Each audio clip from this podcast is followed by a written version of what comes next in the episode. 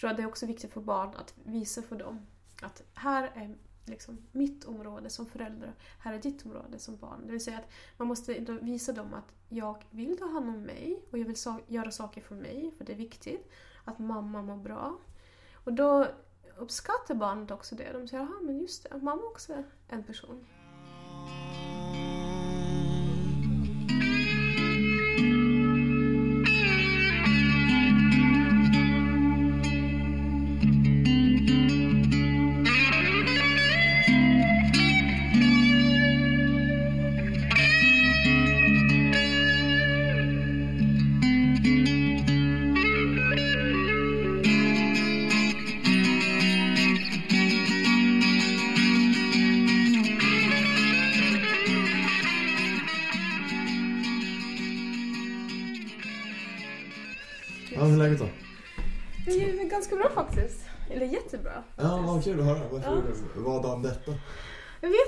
Riktigt. Bara...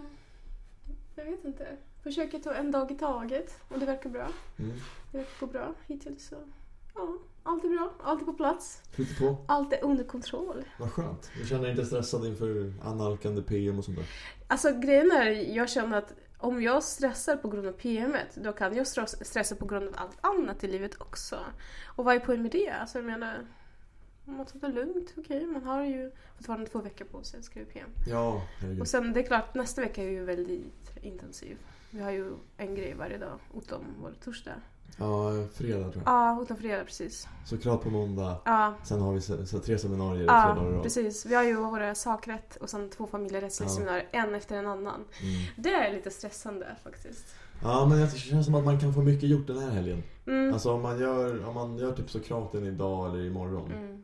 Inte för mig, jag kör den här heller. Det är kört. Du, du Men- klarar det. Men jag, alltså, jag har gått, gått upp 4.49 varje dag nu denna vecka. Så det är, utom idag. Idag. På grund av Norrlands. När gick du upp idag? Eh, Fem. Tio minuter frånvaro. Åh nej! Jag måste hålla mig till min schedule. Nej, alltså jag gick upp, vad var det? Ganska sent faktiskt, åtta. Det är så morgon.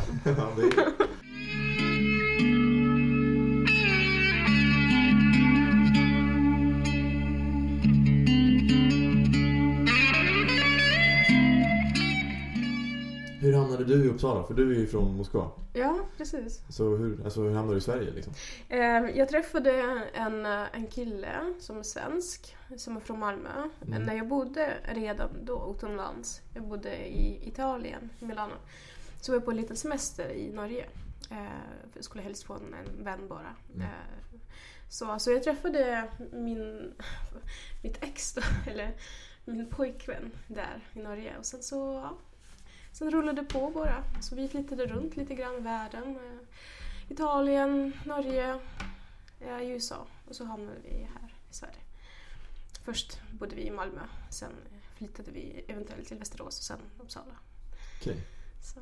Eh, och du, du har en dotter som är fem år. Ja, precis. Hon är fem och ett halvt faktiskt. Hon fyller ja. sex väldigt snart. I den här åldern är det viktigt med halvår också. Att man mäter. Ja. Man brukade säga att man var sju och ett halvt och så. Ja, där är det faktiskt jättestor skillnad. Ja. Alltså utvecklingen är ju wow.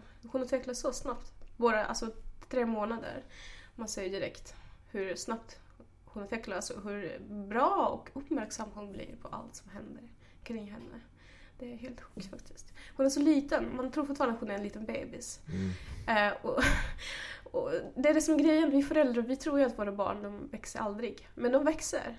Och där blir det chock när de alltså, säger saker som vi är inte redo för.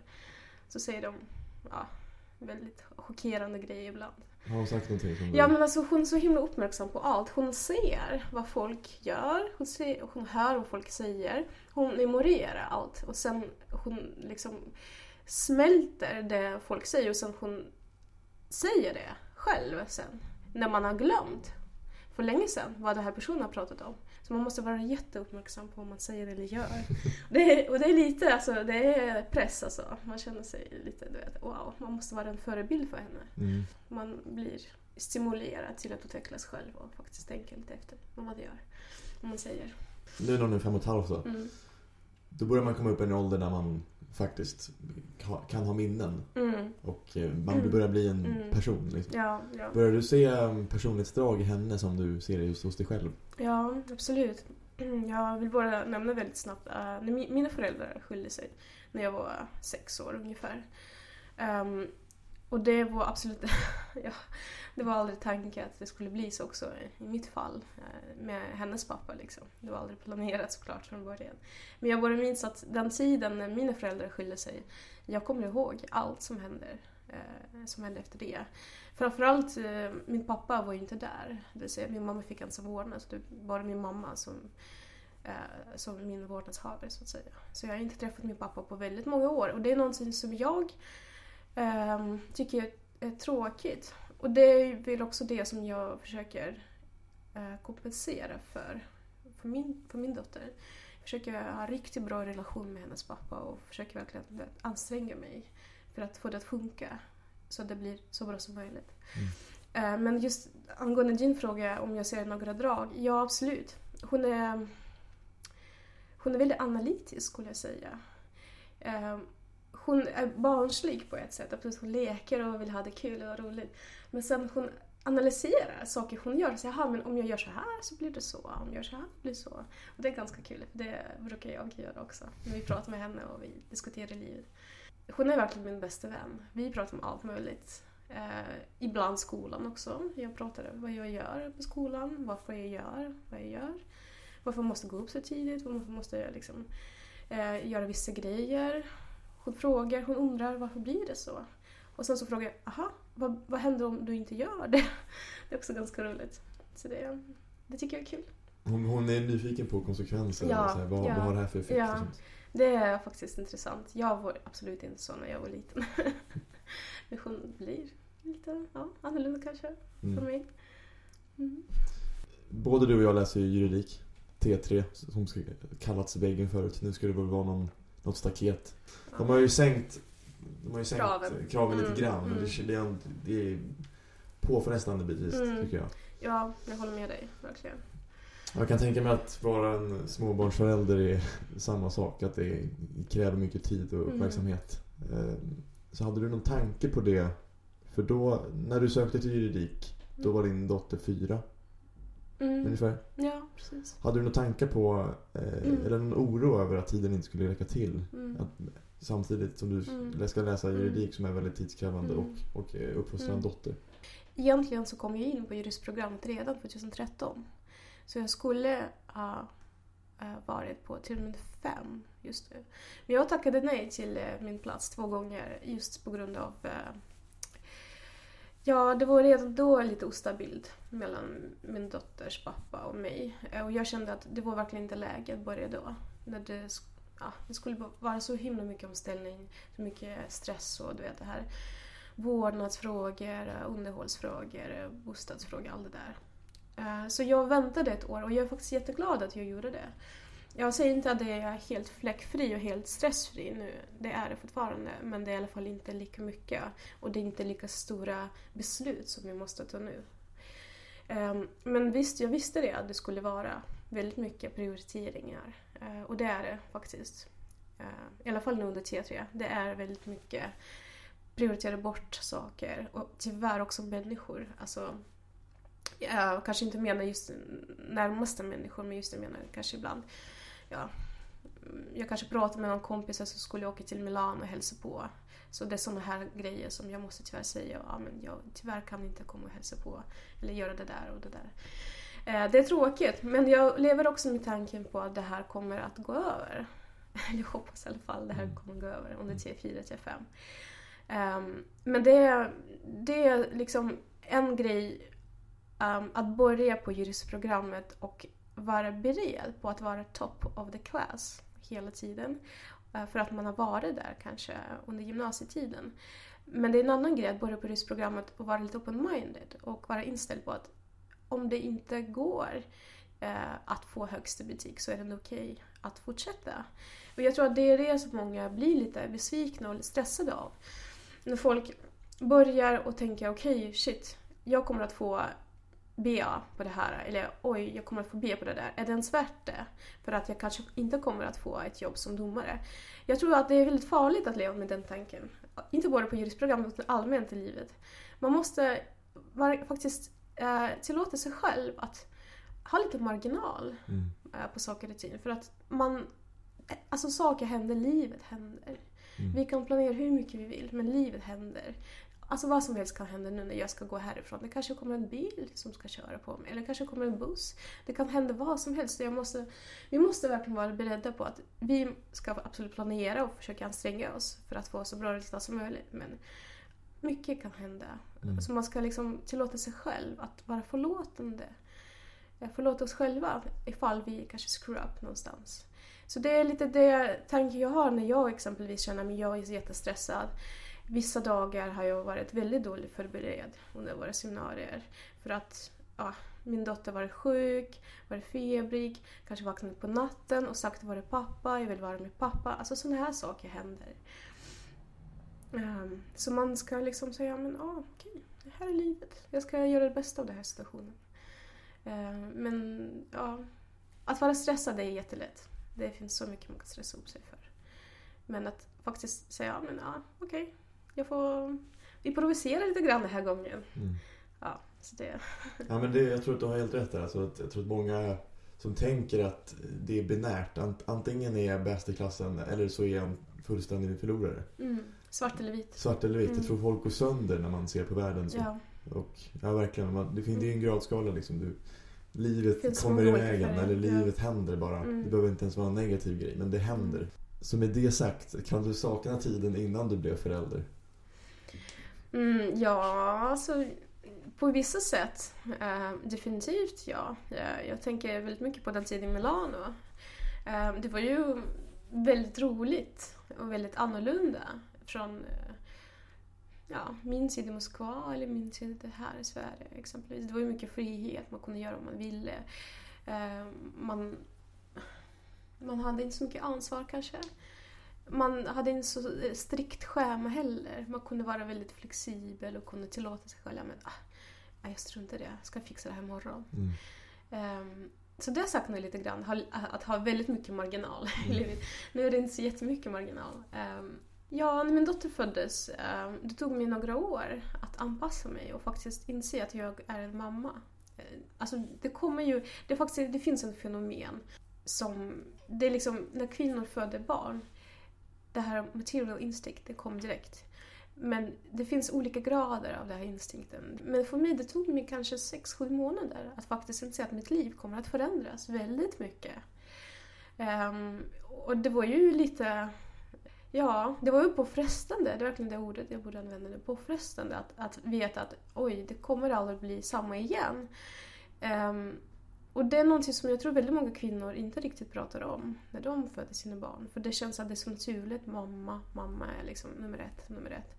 Så jag tror också, just med tanke på att jag inte hade någon familj i närheten och inte heller min, min eh, ex då. Ehm, vi bodde verkligen eh, ja, långt borta från våra familjer. Så det var extra mycket då, för man kunde inte riktigt göra samma grejer. Jag har alltid varit väldigt träningsintresserad. Men när hon föddes var jag inte tränad på säkert två år. Mm. För jag hade inte tid, jag hade Mm. inte möjlighet att göra det. Så just då saknade jag, inte, eh, saknade jag absolut tiden innan jag fick barn. Men nu känner jag att jag har fått bra struktur på det hela. Så nu funkar det riktigt, riktigt bra. Mm. Men de där sju månaderna när du kände att som det tog dig att eh, ställa om. Eh, finns det en, fanns det en föreställning hos dig att du inte var normal eller att, att du gjorde någonting fel för att du inte direkt eh, ställde om till att du var en mamma? Ehm, absolut. Um, alltså, å ena sidan så visste jag att jag var riktigt, riktigt bra. För att, ehm, ja, nu om vi ska prata om mammatalk. Um, här kommer lite tips för er som vill vara föräldrar. Eh, det är riktigt bra att amma. Det är en sak som är väldigt, väldigt bra för barn. Inte bara på grund av att de får mineraler och vitaminer via mjölken utan för att de ehm, bildar en, ett band med sina föräldrar. Så det är riktigt, riktigt bra. Och det gjorde jag ganska länge med min dotter. Ehm, men det är faktiskt väldigt många som inte gör det. De går till mjölkersättning direkt. Det vill säga kanske efter bara en vecka eller någonting. Så jag var väldigt hård med det. Jag ville verkligen amma så länge som möjligt. Så där kände jag att jag var en riktigt bra mamma. Men det finns andra saker som jag kände att liksom, oj, jag, jag kunde känna typ efter några timmar med mitt barn, jag kände oj, jag vill verkligen gå iväg och träna. Eller vill gå, jag vill gå och träffa någon kompis och bara liksom sitta och prata med kompisen utan barnet. Vad är det för fel på mig? Varför känner jag så?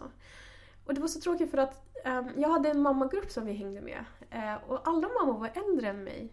De flesta var ju typ över 37 och jag var 22. Eh, det är ingen som sa till mig, men lilla barnet, det är normalt att du känner så. Alla sa, "Jaha, oj, varför känner du så? Liksom, de på något sätt förstod inte riktigt. De fattade att jag var såklart yngre, men de kände liksom, jaha, vi är på olika nivåer, så det var lite svårt på det sättet. Men nu när jag är lite äldre så ser jag, det är klart att jag kände att det var normalt att jag kände så. Mm. Ehm, och det är en annan grej också att man måste verkligen kunna ta upp det. Sin, alltså sådana frågor som man har. Man måste prata med någon om det. Alltså inte psykologer menar jag, men bara någon kompis, någon förälder, någon sy, något syskon eller någon släkt, någon person. Man måste kunna prata om det. Jag pratade med ingen. Jag visste inte riktigt hur jag skulle ta upp det där. Jag trodde det var något fel på mig. Jag trodde det var jättedåligt Mm. att ens tänka så. Mm. Att man ville ha lite egen tid. Ehm, och jag vet inte riktigt. Jag var väldigt osäker då. Jag började läsa böcker och började förstå. Aha, men ja, det stod överallt. Ah, ta hand om din kropp, ät bra, sov bra. Jag bara what? När ska man göra det? Så det var, ja, det var mycket. Det var intensivt och mycket. Mm. Det var alldeles mycket. Eh, Så jag kände att det här kommer aldrig bli bra.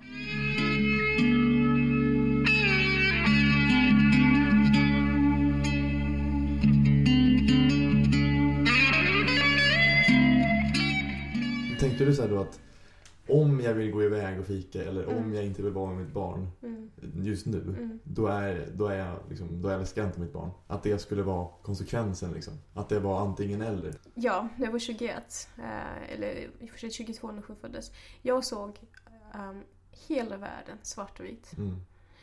Väldigt, väldigt så. Ehm, och jag tror att det är väldigt normalt i den åldern. Mm. Inte bara på det här barnfrågor utan allmänt livet, val i livet, val av utbildningen. Den största grejen som jag har lärt mig under de här åren är ju att faktiskt kunna slappna av, andas ut och ställa sig själv en fråga. Okej, det som jag känner nu, varför känner jag så? Och verkligen prata med någon annan om det. Säga, "Jaha, vad tror du? Tror du normalt att jag känner så? Och helst prata med någon som är i samma sits kanske. Som kan du vet, ge en lite perspektiv på situationen. Ehm, när vi flyttade till USA, uh, vår dotter var sex månader. Där träffade jag väldigt många föräldrar som var ungefär lika gamla som jag. Ehm, ja, såklart både äldre och lika unga som jag. Ehm, och där fick jag extremt mycket perspektiv på situationen. Jag kände att jag kunde äntligen slappna av och faktiskt tycka det är kul att göra grejer. Eh, Att kunna gå iväg och träna. Och komma tillbaka till mitt barn och liksom wow. Jag är en bra förälder som faktiskt också gör saker för mig själv för att jag vill ta hand om mig och vill vara effektiv och eh, hälsosam för mitt barn. Mm. Hela processen började där, men det tog väldigt många år. Jag tror att ungefär kanske förra året, då var jag fortfarande lite osäker på hur saker och ting ska fungera. Men nu känner jag att jag har riktigt bra, riktigt bra koll. Jag tror att det är också viktigt för barn att visa för dem att här är liksom mitt område som förälder, här är ditt område som barn. Det vill säga att man måste visa dem att jag vill ta hand om mig och jag vill so göra saker för mig, för det är viktigt. Att mamma mår bra. Och då uppskattar barnet också det. De säger, jaha men just det, mamma är också en person. Ja, men det är liksom kanske skillnad på föräldrar och föräldrar. Nu blev det för mycket föräldrasnack. Det är lite temat i den här podden nu. Våra, Så det är okej. det är riktigt bra att få lite perspektiv på situationen och inte se saker och ting svartvitt. Det vill säga, om man gör någonting och man tror att man är screwed up, det betyder inte att hela livet ska nu vara förstört, utan man, man gör någonting så länge man vet, okej, där kanske var det inte så jättebra, eller där gjorde jag ett fel. Så Mm. länge man inser det för sig själv, inte för alla andra. Bryr, bryr dig inte om vad alla andra säger, utan det är det är själv som du ska leva med hela ditt liv. Mm. Så, så länge man inser att man har gjort fel och sen bara, aha okej, hur skulle jag göra då? Då tror jag att man är på rätt väg. Ja, också så här, som du säger, att man, man ska ju också ge upp den här idén om att man kan vara en perfekt förälder också. Alltså det är märkligt för mig att säga någonting. Jag, har inte, jag är inte förälder Mm. än. Men det här att, för du är också nybörjare på det och hon Mm. växer ju och blir, hon kommer ju Mm. genomgå olika faser. När hon är Mm. tonåring så det kommer ju vara helt främmande ju för dig hur, ska, Ja. hur man hanterar det. Men, Ja. men ändå att man har, att du har goda avsikter liksom. Ja. Och du gör ditt bästa. Så- Alltså det finns inte, alltså ingenting är perfekt. Det är lite skrämmande också för att vi människor, det känns att allt vi gör varje dag, du vet, vi går upp på morgonen, vi gör det här, vi gör det där för att uppnå perfektion i våra liv. mm. Men sen i slutet på dagen man tänker, åh, shit, jag lyckades inte med perfektion idag, men imorgon kanske. Och så går hela livet åt att försöka skaffa så bra förutsättningar som möjligt för att kunna bygga upp det här perfekta livet. Men det finns inte perfekt. Det finns uh, utveckling, det tror jag väldigt mycket på. Att man kan utvecklas som person, som förälder, som exempelvis jurist, advokat, eller som barn, eller som syskon, eller som dotter. Man kan utvecklas på alla möjliga sätt. Men att bli perfekt, nej, finns inte. Så vi kanske borde omdefiniera begreppet perfektion och säga Mm. att det är ansträngningen eller ansatsen till att, till Mm. att utvecklas vilja Mm. bli bättre. Det, Mm. det är det som är perfektion. Jag tror också det. Jag tror också det. Och sen att verkligen inse och våga säga nej men det var inte så jättebra gjort. Eller verkligen inse, eller erkänna för sig själv i alla fall. Det som jag blir väldigt irriterad på det är människor som förnekar när de gjorde fel. Eller de eh, agerade på ett felaktigt sätt. Mm. Det, det här förnekelse, det, det är ett allvarligt tecken på att personen inte är förlåtande med sig själv. När man inte kan förlåta sig själv, då är det allvarligt. Det betyder att man kommer aldrig bli nöjd med sig själv. Och jag tror att när man inte kan förlåta sig själv, ehm, det är då också man försöker uppnå perfektion genom att använda utomstående medel. För att man inser att man själv inte har tillräckligt med medel för att göra sitt liv perfekt. Om du förstår vad jag menar. Mm. Exempelvis droger, sexuell missbruk, alkoholmissbruk, Träningsmissbruk. träningsmissbruk. Allt det där, det är utomstående medel att uppnå en perfektion i sitt liv. När man känner själv att man inte är tillräckligt bra. Mm. Och det är ett problem idag, i dagens samhälle. Nu blev det jättedjupt. Det gillar vi. Okej.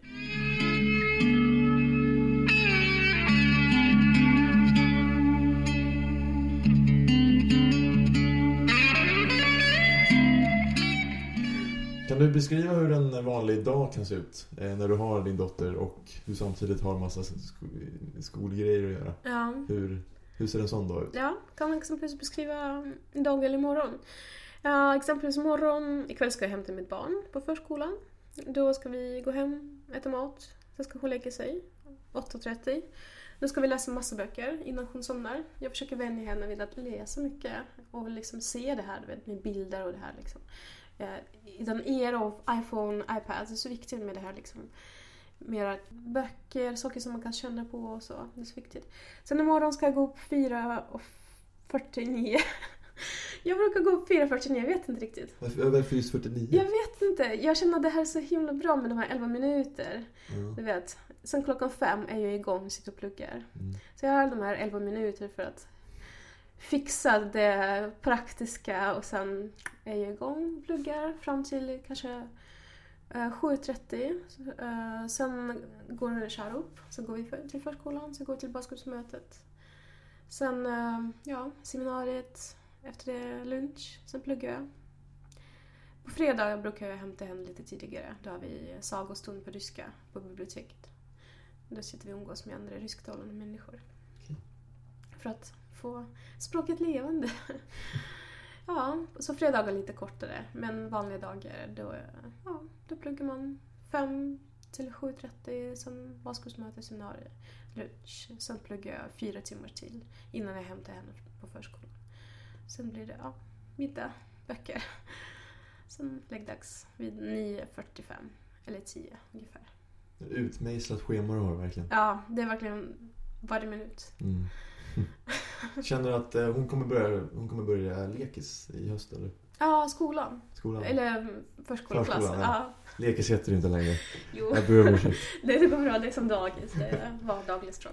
Känner du att det kommer bli lite lättare då? För då är man ju i förskolan Mm. från 9 till 3 eller sånt där. Nej, det är faktiskt eh, finns olika. Det beror på eh, hur föräldrar jobbar. Det finns ju vissa föräldrar som jobbar från 7 till kanske 4. Så förskolan öppnar ju 6.30 egentligen och stänger 17.30. Eh, Men jag lämnar ju precis där innan jag ska iväg på baskunskapsmöte. Och sen hämtar, alltså helst så hämtar jag halv fem. Det är den perfekta tiden. Mm. Ehm, Men såklart när hon ska börja i skolan, det blir ju, kan jag tänka mig, större omställning eftersom barnen är mer självständiga där. De har inte fröknar som ska hjälpa till dem med allt. Där är de själva liksom. Så jag kan också tänka mig att det är större ansvar för henne och du vet större press på henne. Uh, och då vill jag inte heller att hon ska vara på skolan för länge. För det, ja, det är kul med kompisar absolut men i början tror jag att det kan vara lite för långa dagar kanske. Mm. Då blir det ja, kanske fyra. Hämta vid fyra tiden någonting. Tror du tror du inte det kan vara spännande också för henne att ta mer ansvar och så här, träffa nya människor som hon kanske kommer vara vän med för livet sen? Ja, gud Det- absolut. Ja, jo, det... Absolut, jag håller med dig. Men jag tänker att just i början när man byter från förskolevärlden till skolvärlden, det kan Mm. vara ganska mycket omställning. Mm.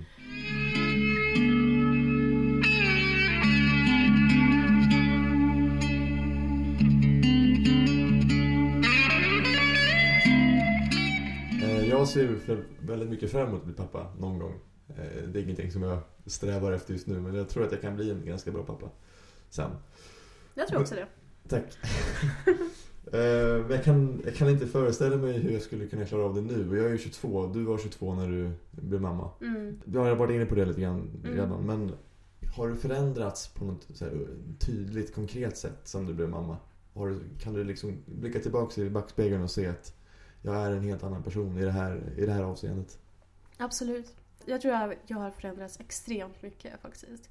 Eh, från dag ett när hon föddes, då jag inte visste hur jag skulle inte ens hålla barnet. Jag trodde att om jag skulle typ hålla henne tre centimeter för mycket uppåt, upp halsen, så skulle jag typ krossa hennes hals. Typ. Um, absolut. Jag tror att för det första så har jag insett att man ska inte ta saker på stor, för stor allvar. Man ska liksom tillåta sig själv att, ja, liksom, oj, hoppsan, du vet, oj, då gör vi rätt nästa gång, typ så. Um, för att, att man, man blir för, för allvarlig i det man gör, eller man blir så himla onaturlig och så himla, på något sätt, stel och inte riktigt levande. Man blir så himla fixerad vid, åh, nu måste jag göra det här rätt. Så jag tror att jag insett att det är okej att vara lite avslappnad. Mm. Och liksom, okej om man missar någonting, ja men det är ingen fara. Men samtidigt har jag också insett att man måste kunna planera saker i, i förväg. Lite bättre, för att kunna ha lite marginal.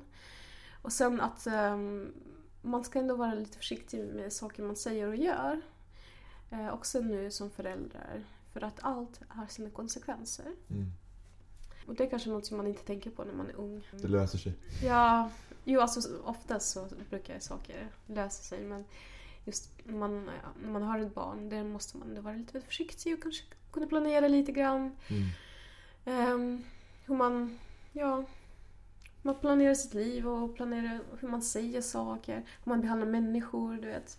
Har din syn på andra och hur, Mm. hur deras eh, hur deras tankar eller hur att det finns någonting bakom hur de reagerar och bara hur de säger saker. Mm, att, att mm. du har fått en annan förståelse för Mm. människor nu. Jag börjat behandla människor på, på ett ödmjukare sätt. Definitivt. För att jag tror att väldigt mycket av hur vi är idag är faktiskt hur vi ehm, är uppvuxna och hur vi var som barn.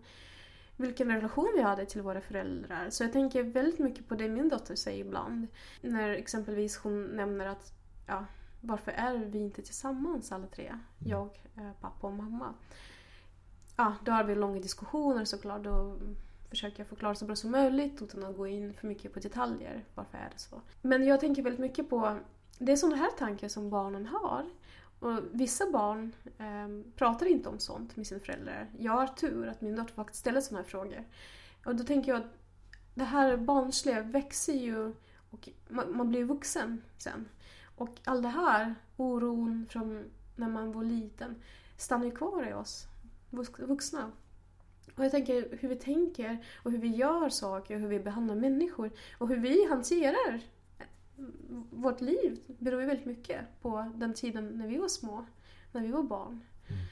Och då tror jag att det är säkert, ja, jag vet inte om det är rätt sätt att se på det men ibland när jag känner att jag blir jättefrustrerad på någon person exempelvis, när personen säger någonting ja, som inte riktigt hänger ihop med hur jag tänker.